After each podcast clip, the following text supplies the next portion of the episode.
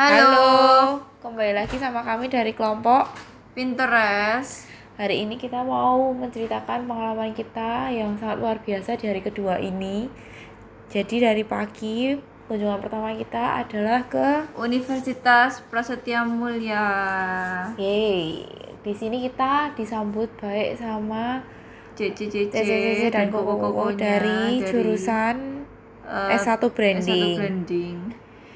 Branding. Jadi kita di sini tuh kunjungan untuk belajar Lebih- lebih, banyak lagi tentang tentang branding, itu branding apa. apa. karena kita sebagai marketer juga tentunya nggak jauh-jauh dari dunia branding, ya Branding. kan kita belajar juga sedikit banyak tentang branding walaupun kita masih ma- mahasiswa yang baru semester 1 sama 3 jadi kita belum ambil kelas branding kita benar-benar nggak tahu apa itu branding, lalu di sini tuh kita dijelasin tentang Banyak eh, banget. banyak banget branding Caranya dari nge-brandingin suatu produk sampai caranya masarin produk itu tersebut. Iya, terus kita kayak diajarin supaya tahu gimana caranya memisahkan uh, customer-customer Sama- supaya bisa mencapai customer engagement Iya. dan loyalty. Jadi ba- bagaimana cara melihat eh, dari pandangan customer supaya barang yang kita jual itu dapat terlaku dapat laku di pasaran. Iya, soalnya brand itu adalah salah satu image yang harus melekat kuat di suatu produk supaya produk itu bisa dikenal masyarakat luas.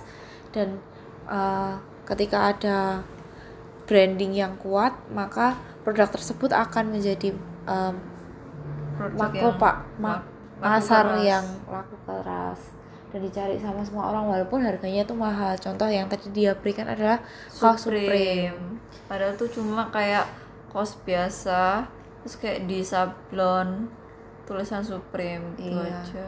jadi kayak di brand- branding itu juga mereka menjelaskan bahwa kita tuh nggak cuma jualin satu produk tapi kita tuh pencapaian value apa yang kita berikan dari produk it- kita apa yang membedakan produk kita sama produk masal yang lainnya ketika kita bisa mencapai value itu kepada customer maka Branding itu disebut berhasil. berhasil. Terus sebelum kita tadi untuk mendengarkan sesi kita juga diajak tour dulu ya. Iya, tur dulu ke eh, kayak auditnya, terus bangunan barunya juga. Terus kita dikasih pelayanan yang baik banget hospitality, hospitality mereka tuh luar biasa ramah, Ramah banget. humble sama kita. Dan JJ dan Kokonya yang memberi presentasi juga berpengalaman banget. Jadi kayak pertanyaan-pertanyaan yang dari kita pun dapat terjawab dengan baik Iya. juga. kita bisa tukar pikiran. Terus kayak mereka nggak canggung-canggung buat ngajak kita Iya. ngobrol. Yang jelas kita kayak ya jadi lebih tahu tentang jurus uh, branding, Branding itu sendiri apa, apa. terus kita juga bisa lebih tahu lagi tentang Prasetya Mulia sendiri itu gimana S1 brandingnya, apa bedanya sama punya kita S1 marketing. Terus habis itu Habis dari Prasmul kita ke eh, link aja. link aja. Nah, di link aja itu kita disambut baik oleh pegawainya ada di sana. Iya.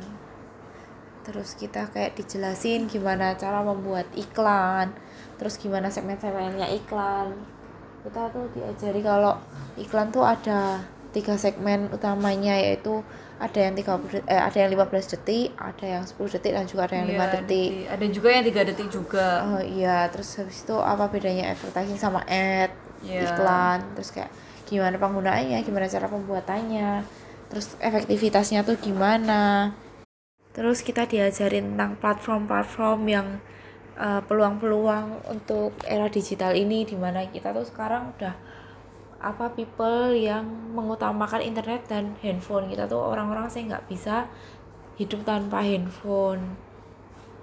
Iya, terus habis itu kita tuh juga belajar bahwa sekarang tuh udah zamannya era cashless makanya ada aplikasi yang namanya link, link aja. aja. Dan link aja itu keunggulannya dari OVO sama Gojek. Eh GoPay itu dia itu lebih lengkap terus kayak misalnya untuk bayar Grab sama OVO itu juga bisa Iya, jadi kayak satu-satunya aplikasi di mana bisa melakukan pembayaran untuk Gojek maupun GoPay. Eh, untuk Gokar. Iya. OVO juga. Itu. Terus jadi berawal dari tiket yang muncul tahun 2007 lalu sempat hilang. Makanya mereka sekarang merebranding dan mengubah namanya menjadi Link Aja. Di sini mereka mengeluarkan aplikasi yang lebih lengkap dan lebih bisa digunakan di mana-mana, bisa membayar di merchant-merchant tenan yang besar. Untuk saat ini tenan-tenan yang besar, tapi untuk ke depannya mereka akan bekerja sama dengan tenan-tenan kecil, UMKM dan lain sebagainya. Dari link aja pun juga sudah sering mengadakan sponsorship bagi kegiatan-kegiatan dan mereka sudah membuat banyak kegiatan yang supaya brand mereka tuh lebih dikenal lagi sama masyarakat. apalagi eh, target mar- target marketnya Link aja. Link aja itu adalah kayak umuran sekitar kita umuran sekitar kita gitu jadinya jadi bisa disebarluaskan lagi oleh Influencer. influencer. Mereka juga uh, pandai dalam menangkap pasar. Soalnya mereka karena targetnya adalah usia-usia sekitar kita mereka tuh memberikan banyak promo dan juga ke tenan-tenan yang sering dikunjungi anak muda yang mereka sasar untuk sebagai sasaran utamanya. Dan kenapa menggunakan influencer? Karena ya anak-anak zaman sekarang generasi Z itu sangat mudah dipengaruhi ketika uh, melihat orang-orang yang dianggap terpercaya Percaya. itu menggunakan suatu produk gitu. apalagi biasanya influencer itu kan juga menggunakan kayak media sosial jadinya kayak lebih gampang tersebar luaskan di kalangan kita juga jadi Iya. kayak kita lebih up, bisa up to date dari influencer tersebut. Gitu. Membahas tentang influencer dan sosial media, mereka juga menjelaskan bahwa ad yang sekarang sangat relevan buat anak muda adalah ad yang modelnya vertikal di mana mudah di scroll jadi kayak orang tuh sekarang tuh udah males buat muter HP miringin HP buat cuman lihat iklan. Jadi mereka tuh menggunakan yang eh, bentuknya vertikal supaya kalau di scroll walaupun hanya sepersekian detik tapi orang tuh kayak eye catching gitu loh. Soalnya eh, bagaimanapun juga sekarang generasi Z ini sangat up to date banget. Kalau masalah iklan-iklan yang di media sosial mereka juga sangat tertarik dengan hal tersebut. Membahas dari sisi marketing sustainable di mana marketing sustainable itu mempedulikan people, planet, dan earth untuk jangka panjangnya. Dari perjalanan kita hari ini tuh kita belajar banyak hal tentang topik ini. Dimulai dari Prasmul. Lasmul itu kita belajar gimana cara kan kita membahas tentang branding branding branding. Jadi kalau misalnya kita membuat suatu produk yang eco friendly walaupun apa tentunya biaya produksinya lebih mahal dan harga jualnya bakal lebih tinggi tapi selama kita bisa membrandingkan dengan baik maka itu produk kita bakal diterima dan masyarakat bakal loyal sama produknya kita. Bahkan masyarakat bisa menjadi lebih peduli lagi sama ke kesehatan lingkungan kelestarian lingkungan yang ada. Karena dan juga bisa menjaga eh, lingkungan yang ada di sekitarnya juga. Karena produk yang dikeluarkan juga ramah lingkungan. Iya, jadi kan tadi kan dijelaskan bahwa segala sesuatu tuh bisa dibrandingkan, nggak ada yang tidak bisa dibrandingkan termasuk misalnya produk kita tuh eco friendly atau gimana sama itu value yang kita sampaikan dari produk kita itu adalah value yang baik, maka dengan cara branding yang tepat produk kita tuh bakal bisa diterima sama masyarakat gitu. Kalau dari perusahaan Link aja itu kita juga belajar sih di sisi marketing sustainable-nya banyak hal supaya produk kita tuh bisa berkelanjutan mulai dari pengaturan iklannya mulai dari memprogramnya terus kayak membuat event-event yang berbagai macam itu tuh juga kita pelajari. Bahkan menurut kelompok kami link aja itu termasuk sebuah marketing sustainable di mana marketing berkelanjutan. Dari yang dulunya tiket dia udah mati itu tuh terus habis itu rebranding bersangkut lagi seperti yang dijelaskan oleh Plasmul itu kalau bisa rebranding itu bisa bangkit lagi.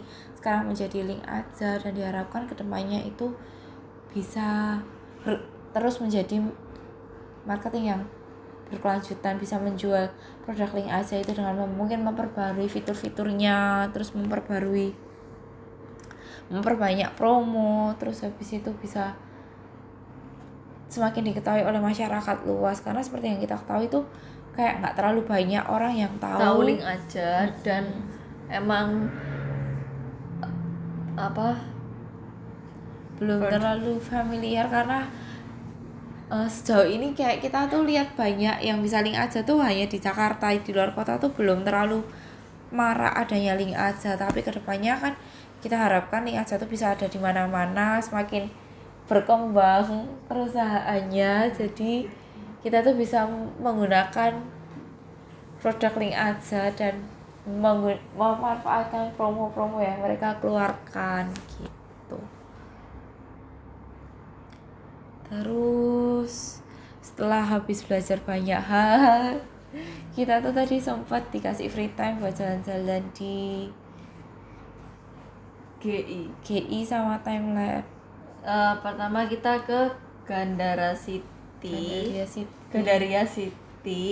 Dan di sana kita uh, masuk ke lab future. Future iya, lab. future lab. Terus kita kayak diajak tour di situ dikelilingin banyak digital Terima banget. Mereka sudah sistemnya tuh sangat digital permainannya.